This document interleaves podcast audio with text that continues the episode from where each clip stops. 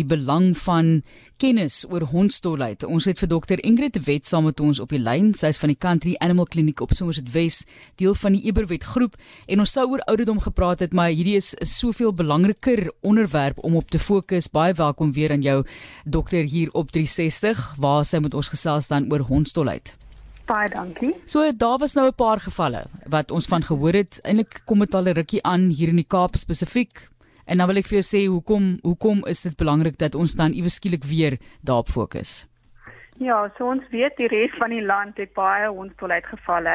Ek weet in Natal, eh, KwaZulu-Natal spesifiek en dan in ander areas, ehm um, is daar ook nou en dan uh, gevalle wat deurkom. Maar wat nogal skrikwekkend is is dat daar nou vier gevalle in die laaste paar weke in die Kaapstad area voorskyn het. Ehm um, wat lanklaas gebeur het.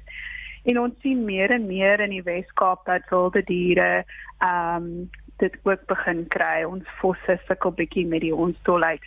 En wat ons bietjie plaas, ons weet nie spesifiek hoekom dit in die Kaapstad area nou voorskyn het. Ehm um, maar dit is belangrik dat ons as hondeeienaars iets daaraan doen want die meerderheid van mense wat hondstolheid kry is deur 'n hond gebyt. So dis nogals belangrik om seker te maak dat jou honde en katte by die huis veilig is en dat hulle wel ingeënt is spesifiek in die Kaap area waar ons nou min uh, gefokus daarop en ek weet baie mense het dit wat gaan veral oor die laaste jaar en 'n half met COVID, ehm um, was dit nogals moeilik om soms by die veearts uit te kom. So ek wou net met uitlig dat dit wel 'n probleem is en mense moet aandag daaraan gee. So kom ons gesels oor hondstolheid, wat dit is, mense wat nou nog nie weet nie en die vertaling natuurlik rabies as jy wil gaan Google en meer wil leer verder. Sê vir ons net wat is dit? So dis 'n virus, um, en dit kan enige soogdier of uh, warmbloeddier affekteer. So enige iets van 'n hond tot 'n kat, 'n bees, ehm um, ehm um, vleermuise spesifiek is een van die uh, diere wat sukkel daarmee en dan mense natuurlik ook. En dit is 'n virus wat oorgedra word in speeksel. Ehm um, so mens moet gebyt word of blootgestel word aan die speeksel om dit oor te dra. En dan nadat jy 'n bytwond gekry het, beweeg daai virus met jou senuwees op tot en met in jou brein. En dan as dit op daai punt kom en 'n mens kry simptome, dan is daar glad nie behandeling daarvoor nie. En dis wat dit so skrikwekkend maak is sodra mens besef jy het hondstolheid, is dit heeltemal te laat. Ehm um, en dan baie keer en daai sodra die diere simptome begin wys, dit is gewoonlik dat hulle meer aggressief is, daar's 'n drastiese verandering in gedrag ehm um, dan begin hulle ander diere byt en dis hoe dit versprei.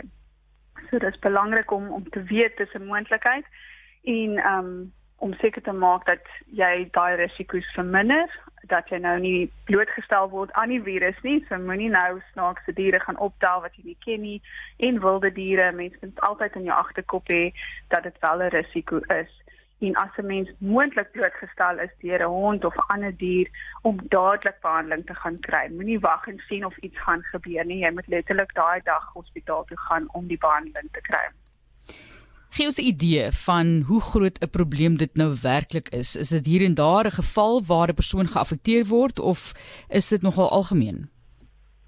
So in die Weskaap is dit baie baie skaars op die oomblik. In die res van die land ek dink dit is omtrent 50 tot 60 mense per jaar wat doodgaan as gevolg van ons dolheid wat nie so baie klink nie maar dit is eintlik baie want 'n mens kan dit heeltemal voorkom as jy dadelik behandeling kry. Um, en baie keer besef mense nie dis 'n risiko nie. So dit is wel 'n probleem en dit is een van daai siektes wat um, 100% jou dood gaan veroorsaak as jy nie dadelik behandeling kry nie So dit is nogal 'n erge probleem. Ehm um, en en veral met honde in kontak kom in areas waar die honde nie ingeënt is nie. Jy's ingeskakel by 360 ons fokus op hondstolheid en hoekom dit regtig 'n probleem is. Dr Ingrid de Wet wat vir altyd vir ons insig gee so is daar mense wat meer vatbaar is vir hondstolheid? So definitief mense wat met diere werk is meer vatbaar, so ek weet die hele veeartsbedryf ehm um, is ingeënt daarteen want ons is die wat in kontak kom met die diere. Ehm um, en dan definitief ek sal aanmoedig enige iemand wat in die welsynsbedryf ehm um, werk, moet jy gaan vir inentings en seker maak dat jy wel beskerm is. So hoe dit werk as jy nou wel blootgestel is aan die virus, as jy nog nie 'n inenting gehad het nie, moet jy spesifiek gaan na die hospitaal vir immunoglobulien wat hulle inspuit in die wond en dan 5 inentings daarna om die virus te stop. Maar as jy wel al klaar inentings gehad het omdat jy in 'n risikogroep is, dan is die behandeling baie um korter en makliker en die prognose is baie beter. So as as iemand in daai bedryf werk waar jy wel in kontak kom met diere, is dit baie belangrik om die inentings te kry voor die tyd. En jou vra natuurlik altyd welkom op SMS lyn indien jy enigiets wil weet, maar ek dink wat mense regtig oorwonder is, wat is die simptome? Hmm. So in diere is dit gewoonlik 'n uh, totale verandering in gedrag wat skielik gebeur. So ek weet die twee gevalle wat hier nou in die Helderberg area ehm um, gebeur het, het daai diere oornag aggressief geraak. Hulle was van balans af, soms begin hulle baie kwyl. Hulle sukkel om te sluk. Hulle lyk asof hulle dors is en dan sukkel hulle om te sluk. Ehm um, hulle kan begin skree of snaakse geluide maak. So net heeltemal 'n snaakse gedrag wat mense nie verwag nie. Ehm um, en wilde diere kan hulle soms die teenoorgestelde gedrag hê en eintlik baie mak lyk en dis waar dit ook gevaarlik is want jy sien soms 'n dier wat beseer lyk en dit is 'n wilde dier en dan gaan jy op net tel daai dier op. So ehm um, daar's daar's gevalle van bokke wat in mense se huise inloop en so. So as jy 'n dier met snaakse gedrag sien, is dit 'n ehm um, ietsie wat jy moet, moet laat dink is dit dalk hondsdolheid. En as jy dink dit is wel 'n risiko, dan uh, maak seker dat jy jou veearts bel of eintlik die staatsveearts want hulle ehm um, is in beheer van die siekte in die land. Weer 145889 is rand 50 per SMS. Dalk het jy so iets raak gesien en jy het 'n vraag spesifiek vir ons gas. So kom ons kyk na voorkoming. Jy het gesê moenie net 'n wilde dier optel nie, maar ook dink ons aan ons diere self. Ja, so as absoluut. So as jy 'n hond of 'n kat het, ehm um, is dit die wet dat mense hulle laat inent. So hulle moet ehm um, die eerste inenting op 12 weke kry en dan nog eenetjie binne 'n jaar en dan elke jaar tot 3 jaar afhangend van waar jy is in die land. So jy kan jou eie veearts vra wat is die reël um, in daai area. So dit is belangrik om seker te maak dat mense dit gereeld doen. Baie mense gaan vir die eerste stel inentings en dan vergeet jy daarvan en dan is jou hond nie gedek nie. So daai inentings is verskriklik belangrik.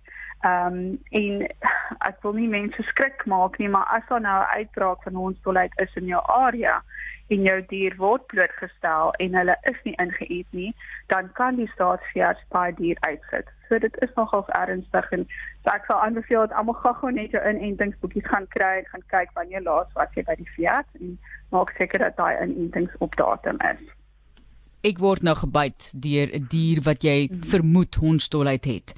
Wat is die eerste simptome vir jou ook en wat moet jy doen want mense dink nou byvoorbeeld dalk weet jy nie altyd hierdie dier het ja. hondstolheid nie. Ja, so met enige bytwond, ehm um, hond of kat of wilde dier moet jy dadelik daai wond gaan uitwas um, onder lopende water vir 10 tot 15 minute. So op daai manier sal jy omtrent 90% van die virus uit daai wond uitwas. So dis beskiklik belangrik en dan gaan dadelik daai dag hospitaal toe of na jou dokter toe en dan sal 'n risiko-analise ehm um, saam met jou deur gaan en besluit wat die volgende behandeling is. Maar jy moet definitief daai dag by die ehm um, dokter uitkom. So dit is vir ons toelaat en ook vir klem met die kaak, so mense moet soms inentings kry daar daarteen. So dit is nogals belangrik om dadelik ehm um, mediese ehm um, hulp te kry in in daai geval. As jy dink dit was 'n ontoelaat geval, dan moet jy definitief jou staatsveearts kontak in jou area dat hulle kan reageer. Dr Ingrid, dis 'n SMS van iemand wat vra van ehm um, die honde wat uh, eintlik rondloper honde ehm um, hmm. of wat woon waar daar nie baie mense is nie, kan 'n mens sulke honde ook na 'n plek toe neem waar hulle ingeënt kan word sonder om te betaal? Ja, so definitief vir die staatsveearts sal dit uh, gratis doen. Ek weet hier waar daar gevalle was, het hulle dadelik ingekom en die honde en, en katte ingeënt in daai area. So jy kan definitief of jou welsynsorganisasie bel wat naby aan jou is of jou staatsveearts laat weet en en dan kan hulle help daarmee.